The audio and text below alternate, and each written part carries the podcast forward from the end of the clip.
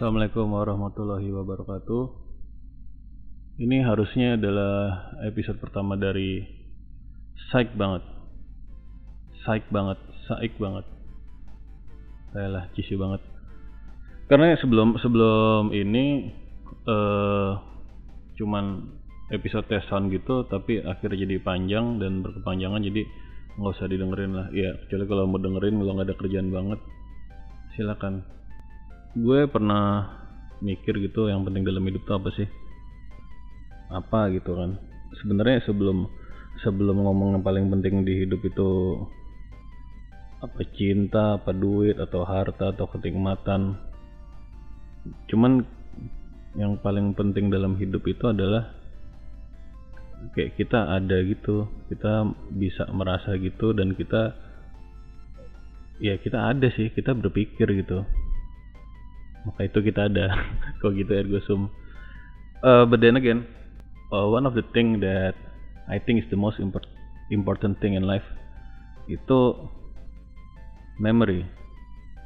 Kenapa? Kenapa memory itu penting banget? Karena menurut gue tanpa adanya memori gitu ya kayak nggak hidup gitu. Bayangin lo lupa segalanya lupa semuanya gitu. Kayak kayak nggak ngaruh gak sih? Hidup hidup lo sebelumnya gitu lo kayak baru lahir kayak baru sadar akan dunia. Jadi mungkin untuk lebih jelasnya gini. Menurut gue membuat kita adalah kita adalah memori tersebut. Tiap orang itu kan memorinya beda-beda. Ada orang yang hidupnya biasa aja ada yang nggak biasa aja ada yang istimewa. Nah dari mana lo tahu kalau hidup lo biasa aja? Ya karena lo ingatnya biasa aja. Maksudnya tersimpan semua kehidupan lo yang biasa biasa saja itu di memori atau kehidupan lo yang istimewa itu di memori. Kalau kalau nggak ada memori ya kita nggak jadi kita gitu.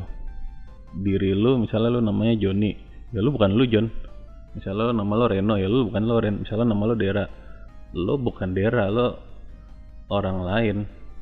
Memori itu yang bikin kita tuh berkembang secara psikologis secara pribadian.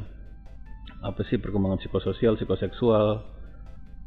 Punya teman ada kejadian dalam hidup kita kita belajar dari kejadian tersebut baik secara positif atau negatif. Kita uh, melakukan reaksi atas kejadian tersebut. Uh, mindset kita tuh uh, berubah pola pikir kita berubah mindset kita berubah karena experience experience dalam hidup gitu. Nah abis abis abis experience abis kita mengalami experience tersebut pola pikir kita berubah menyesuaikan adaptasi. Nah seluruh hal tersebut itu tersimpan dalam memori. Sebenarnya hmm, pencetus kenapa gue pikir the importance of memory yang menjadikan manusia adalah manusia atau binatang adalah binatang atau apa pun lah. Itu gara-gara film itu tuh The Six Day. Yang mainin si Arnold Schwarzenegger.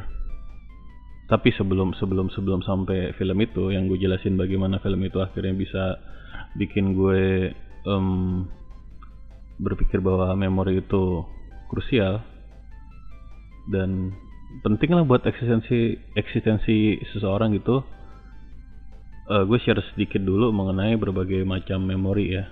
Ini very basic psychology knowledge. Jadi basically memori itu dibagi tiga ya. Yang secara umum berhubungan cuman beda-beda. Jadi memori itu ada gue ingat-ingat dulu ya. Ada episodic memory ada procedural memory dan satu lagi ada yang uh, namanya hmm, semantic memory hmm, satu-satu dulu ya. Kalau semantic memory itu memori yang meng- mengenai pengetahuan umum, fakta-fakta di dunia. Contohnya kayak siapa presiden Djibouti, siapa eh, astronot yang pertama kali datang di bulan, siapa nama kuda yang pernah main film, apa benda yang bisa menembus air? Ya all that stuff lah pengetahuan segala macam hal yang kita pelajarin di sekolah tuh namanya semantic memory. Yang secara umum nggak ada hubungannya sama hidup kita. Itu itu yang pertama namanya semantic memory. Yang kedua namanya procedural memory yaitu lebih karena eh, lebih kepada cara memori akan ingatan akan cara-cara untuk melakukan suatu. Misalnya cara masak sayur lodeh cara nyalain kompor cara ngikat tali sepatu cara naik sepeda. Itu kan yang kita inget tuh kayak caranya gitu cara naik mobil eh muscle memorinya maksudnya geraknya tangannya kita kaki dulu tangan terus apa yang bareng pada saat nyetir. Terus apa lagi ya contoh prosedural, memory ya cara selingkuh gitu. Prosedural bukan ya eh kayaknya iya sih kali ya. Habis itu nah itu namanya procedural memory yaitu memori eh, yang lebih kepada cara cara untuk melakukan sesuatu. Bisa disebut juga dengan skill ya. Yang ketiga adalah episodic memory yaitu memori mengenai kejadian-kejadian dalam kehidupan personal lo. Misalnya pertama kali tabrak mobil pertama kali ciuman kedua kali tabrak mobil kan tadi udah ditabrak ya. Habis itu lu tuh dulu tinggal di mana nomor telepon lu berapa terus juga mungkin orang tua lu jadi gila jadi memori yang gak ada hubungan dengan fakta-fakta dunia tapi eh, terjadi dalam kehidupan pribadi lo. Tapi kalau lo jadi presiden ya bagi orang lain ya itu semantik memori. Atau atau gitu ya episodic memori seseorang tuh bisa jadi semantik memori orang lain. Itu lo dalemin aja lah. Nah yang episodic memory inilah yang menjadikan lo adalah lo gitu. Karena kalau misalnya lo lupa kapan kapan lu pertama kali jatuh atau pertama kali dihianatin mungkin lo nggak akan jadi lo yang sekarang. Gitu. Nah lanjut lagi kalau misalnya orang amnesia misalnya karena suatu bentuk benturan atau karena suatu trauma psikologis ini ini gue ngomongin fisikal aja deh.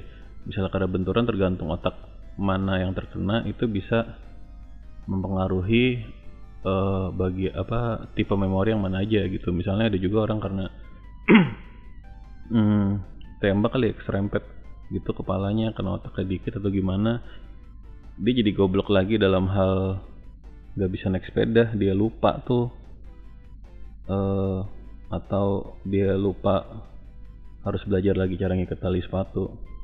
Contohnya yang paling dramatis tuh si um, Malcolm Young. Malcolm Young dari ACDC keren banget almarhum ya by the way.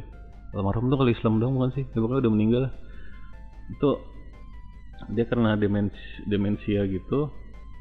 Jadi dia sampai level lupa eh, mainin musik yang dulu dia ciptakan sendiri gitu. Jadi lagu-lagu ACDC tuh dia lupa cara maininnya kunci-kuncinya lupa juga.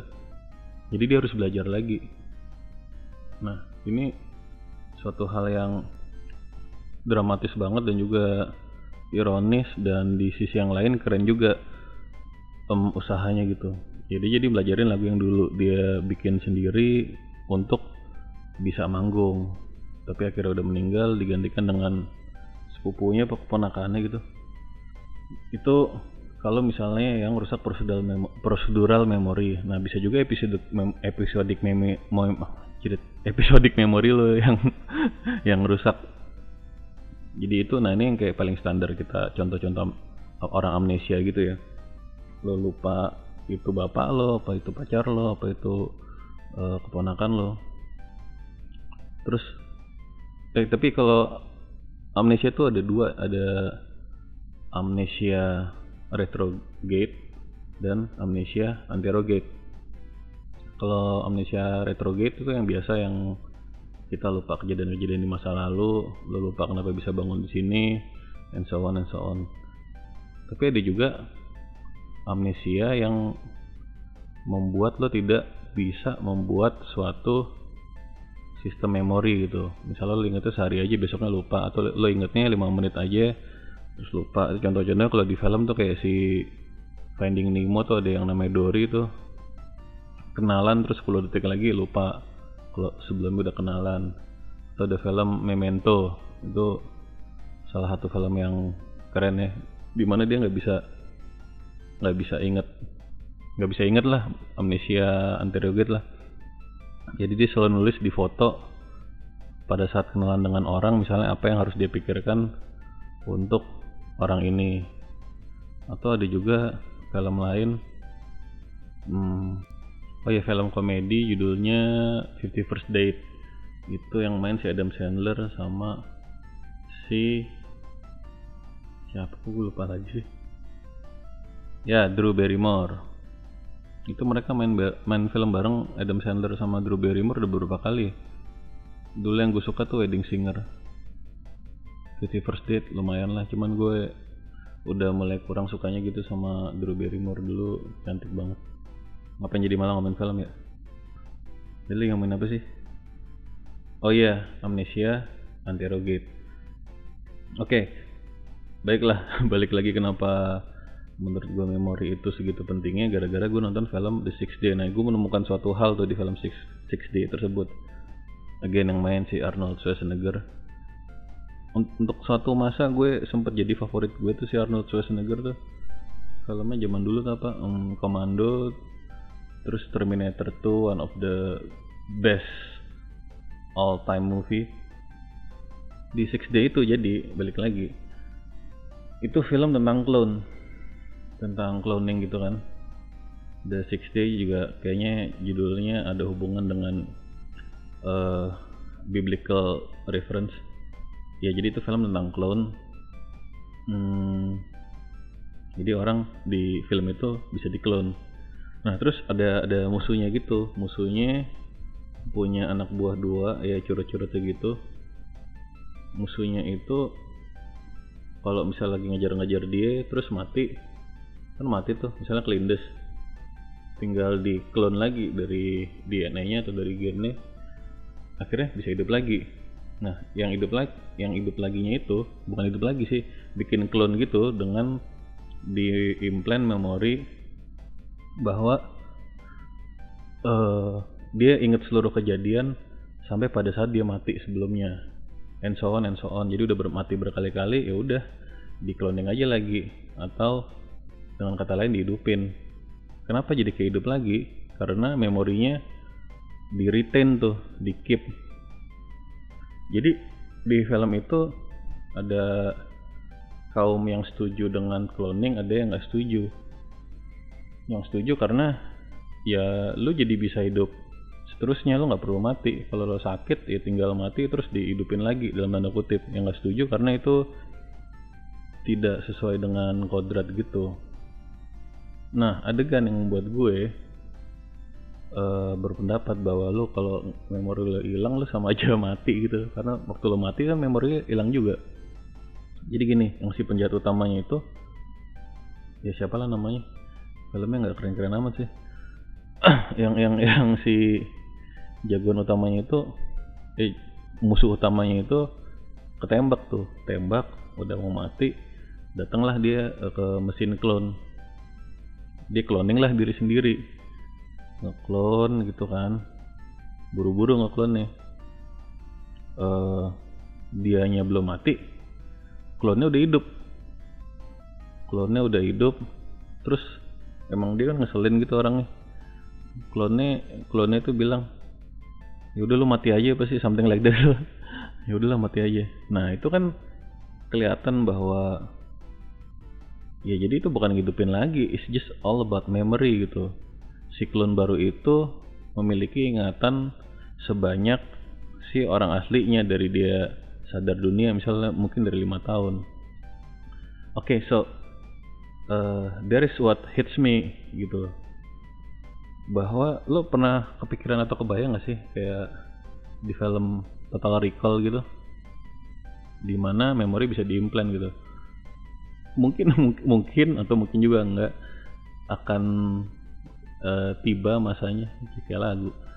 Di mana uh, memori implant itu sudah bisa akan terjadi gitu. Coba tapi kita bayangin deh ke diri kita sendiri dulu.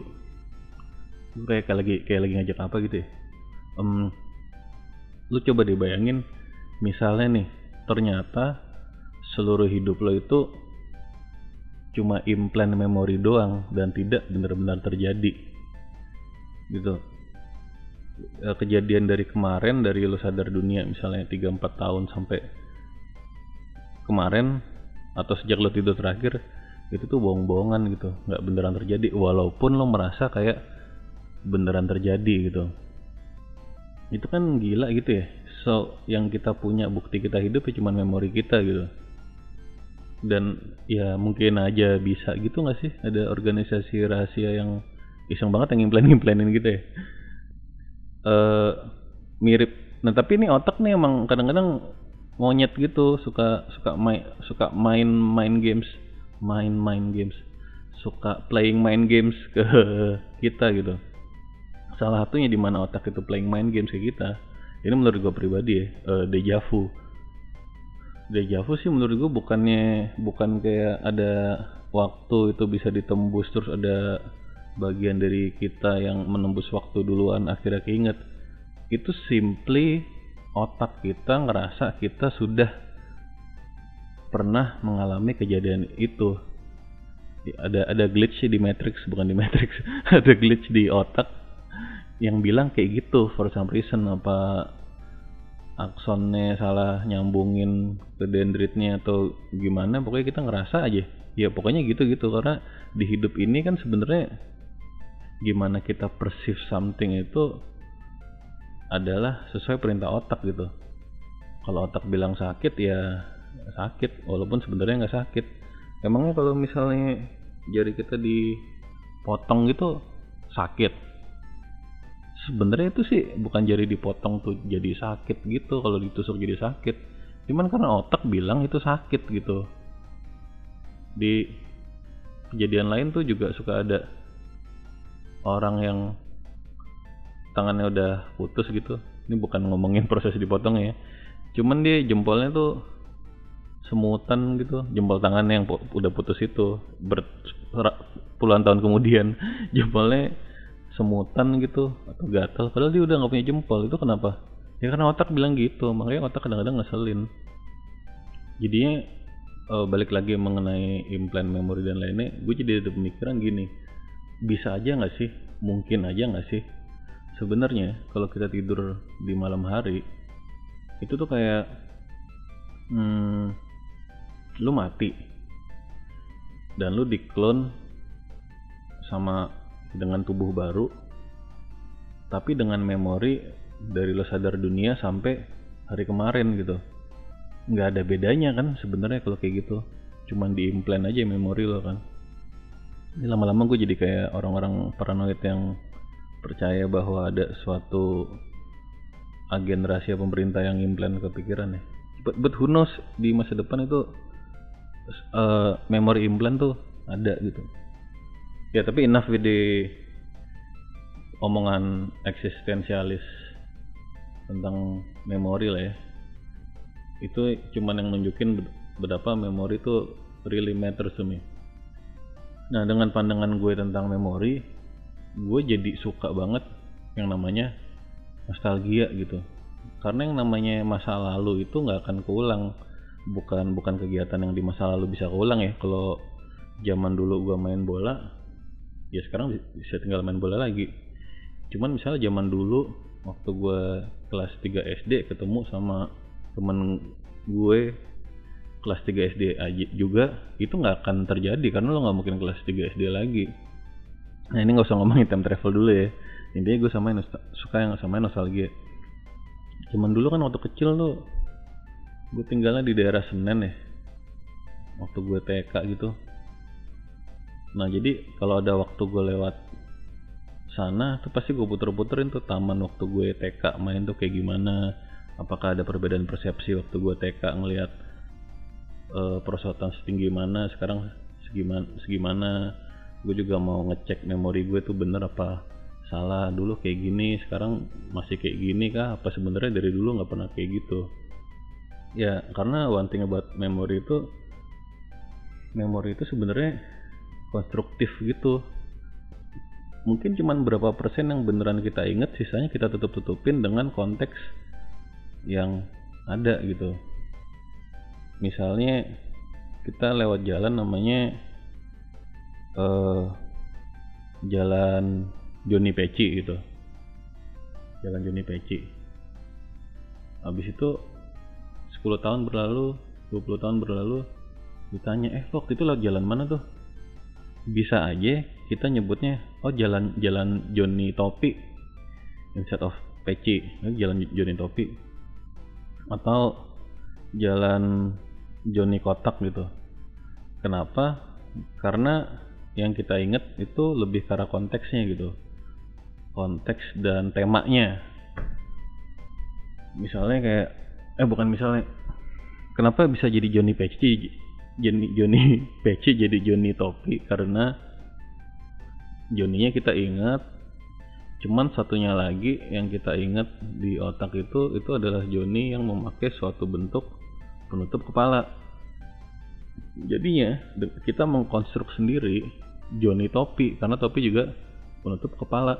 Bisa juga Joni sorban gitu jadi eh, karena kesukaan gue dengan memori kesukaan gue dengan PES uh, gue jadi juga suka banget ketemu lagi orang-orang dari masa lalu gue. Misalnya yang udah lama nggak ketemu yang dulu temen SD makin jauh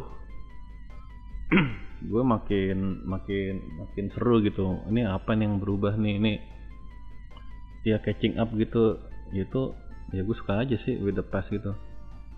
Makanya makanya kalau lagi bulan puasa gitu nah ini tapi ada beda dikit nih kalau lagi bulan puasa gue suka tuh yang namanya bukber bukber lagi karena uh, it connected me again with the past gitu. Ketemu orang-orang dari zaman dulu. Cuman makin ke sini makin males juga gue soalnya kayaknya at some at some point gitu yang kayak tertarik gue doang gitu gitu. Ketemu orang dari zaman dulu kayak ya apa kabar lo? Gue excited gitu. Mereka diem aja. Bukan diem aja maksudnya nggak excited lah. Ya karena mereka nggak sesuka dengan pes kayak gue gitu. Atau mungkin karena gue nyebelin aja gitu kali. Jadi mereka males gitu ketemu gue jadi makin ke sini ya udahlah nggak ada bukber SD nggak ada bukber apa juga. Bodoh amat gue sendiri juga jadi ya udahlah jadi kayak bertepuk sebelah tangan gitu. Terus juga berpengaruh ke film-film. Kalau ada film gue sering nonton Netflix ya kalau ada film-film yang uh, pokoknya timnya tuh 90s aja or 80s gitu. Itu tahun-tahun di mana gue grow up gitu uh, my early memories. Ya pasti gue nonton tuh walaupun gue belum suka uh, temanya atau premisnya gitu Bener kayak film apa ya? Uh, uh, Stranger Things misalnya. Sebenarnya alien tuh agak-agak garing gitu buat gue. Cuman karena temanya etis uh, di mana gue bisa lihat gimana tuh zaman dulu itu juga gue tonton gitu. Super 8 juga kan ya alien lagi alien lagi 70s nah cuman zaman dulu tuh kayak lebih seru gitu nah gue juga suka kangen sama zaman dulu tuh. Zaman dulu where things are more simpler gitu. Nggak nggak secepat sekarang nggak sebeban dan menekan sekarang di mana segala hal tuh serba cepat. Harus bisa dihubungin harus cepet dikirim harus cepet sampai gitu. Zaman dulu kayak sabar gitu ya. Zaman dulu tuh kalau misalnya lagi nunggu angkot gitu zaman dulu kan nggak ada HP jadi kalau di ada di ada di apa halte gitu ya nunggu nunggu aja. Ngeliatin ngeliatin angkot mana yang angkot kita mau naikin ngeliatin mobil lewat gitu. Biasanya kalau di halte tuh ada tukang majalah sama tukang es kelapa gitu. Sama warung kali ya. itu udah settingan halte di Jakarta tuh.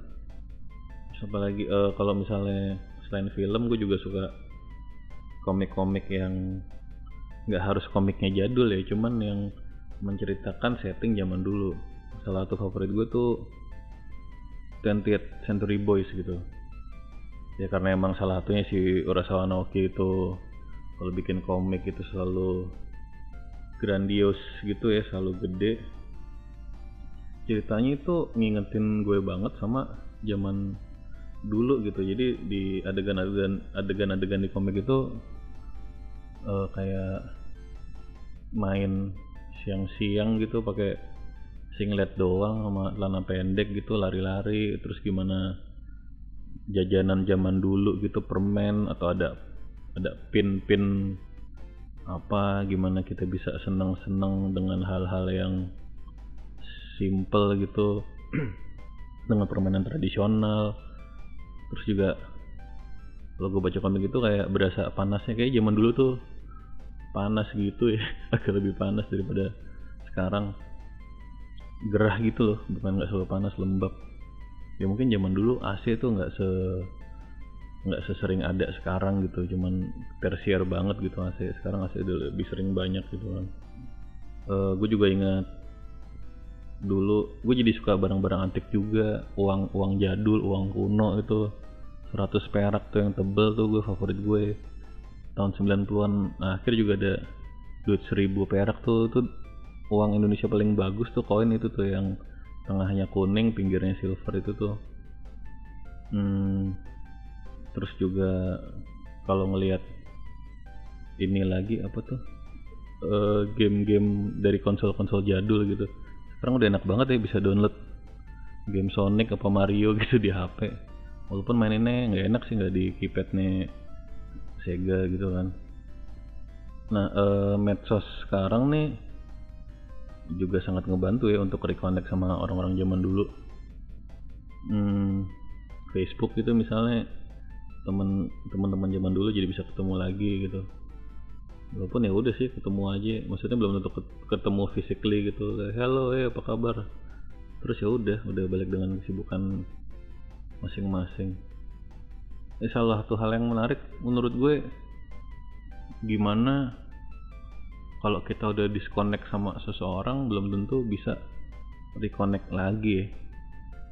jadi mungkin waktu SD lo tuh best friend banget gitu cuman kepisah beberapa waktu ketemu lagi terus udah kayak kayak orang lain aja gitu kayak nggak nyambung aja cuman we share memory that uh, once in in our lifespan tuh kita pernah temenan deket banget gitu. Cuman ketemu lagi udah jadi orang beda. Ya again karena tadi lingkungannya dia beda lingkungan gue beda membentuk jadi uh, karakter yang beda juga apa yang gue alami sama dia alami beda juga lingkungannya nggak sama. Ya menarik aja sih hal itu. Hubungan lagi sama masa lalu tuh apa ya? Hmm, ironisnya gue sih bukan orang yang punya masalah dengan masa lalu gitu. Gue ngeliat orang tuh kalau masalah tuh dari sisi timeline tuh ada dua gitu. Yang nggak bisa dealing with the past and dealing with the future gitu. Gue lebih orang yang nggak bisa dealing dengan future gitu. Ada orang yang nggak bisa dealing dengan past gitu. Kayak misalnya zaman dulunya apa ya zaman dulu dia hebat banget. Sekarang udah menurun. Masih aja nyeritain kejayaan masa lalunya atau di masa lalu punya suatu bentuk regret kesalahan yang dilakukan gitu. Dan pada akhirnya memengaruhi uh, kepribadian dan cara pikirnya sekarang uh, in a negative way gitu kan. Atau ada juga yang penyesalan apa sih nggak bisa move onnya susah banget masih ke bawah-bawah. Ya untungnya gue bukan orang kayak gitu ya gue lebih mikir kayak yang udah lewat udah lewat aja lah nggak akan pulang lagi. Maksudnya yang zaman dulu zaman dulu aja. Nggak akan pulang as in you know lah what I mean. Eh, justru kita bisa pelajarin dari hal-hal masa lalu. Ya gue tahu sini akan berat banget bagi orang yang memang masalahnya dengan masa lalu gitu ya. Nah gue gobloknya lebih nggak bisa dealing dengan future gitu. Maksudnya gue selalu ketakutan akan future masa depan tuh bisa terjadi apa apaan aja. Besok itu bisa ada gempa bisa ada meteor jatuh bisa tahu-tahu serangan jantung bisa tahu-tahu tabrak mobil atau bisa apa aja lah. Terus di overthink sampai bego gitu. Jadinya kurang lebih itulah pandangan gue mengenai memori manusia gitu. Apa intinya apa ya sama pesannya pesannya gitu. Emang di restoran apa pesan? Intinya ya lebih kepada hmm, dulu yang ngomong Dalai Lama apa siapa ya? Mengenai kayak lo tuh nggak bisa move on dari masa lalu terlalu takut dengan masa depan so you don't live in the present gitu. Jadi lebih kepada nah ini ada hubungannya sama lagunya Sheila on Seven yang mana bagus sekali kisah klasik untuk masa depan gitu. Jadi mungkin ini khususnya pesan buat diri gue sendiri gitu. Daripada tenggelam dan nostalgia di masa lalu lebih baik lo juga live in the present and uh, make memories gitu dengan ya orang-orang terdekat lo atau untuk diri lo sendiri. Karena ini banyak-banyak foto gitu kali ya. Itu sebenarnya nggak bisa disalahin juga sih. Si cewek-cewek ibu-ibu apa yang kebanyakan selfie. Terus dikit-dikit foto ini foto itu. Gue zaman dulu kan orangnya sok cool gitu ya jarang banget mau diajak foto gitu kayak males apaan sih lebay. Dan juga itu tuh kayak konformis banget gitu pada ikut-ikutan aja gue enggak lah sok cool gitu. Cuman sekarang akhirnya selalu sendiri foto gue zaman dulu nggak ada. Udah mana zaman dulu juga belum digital juga kan makin dikit lagi. Nah jadi buat mitra senada sekalian kalau pada suka foto ya udah foto-foto aja. Tapi harus dipikirin juga uh, itunya nyimpennya di mana gitu. Kalau simpen di HP HP-nya hilang ya udah hilang semua. Simpen di cloud. Jadi yang bisa lihat cuman Google aja. Ya udah gitu. Semoga ada yang bisa dipetik dari pohon terima kasih. Wassalamualaikum warahmatullahi wabarakatuh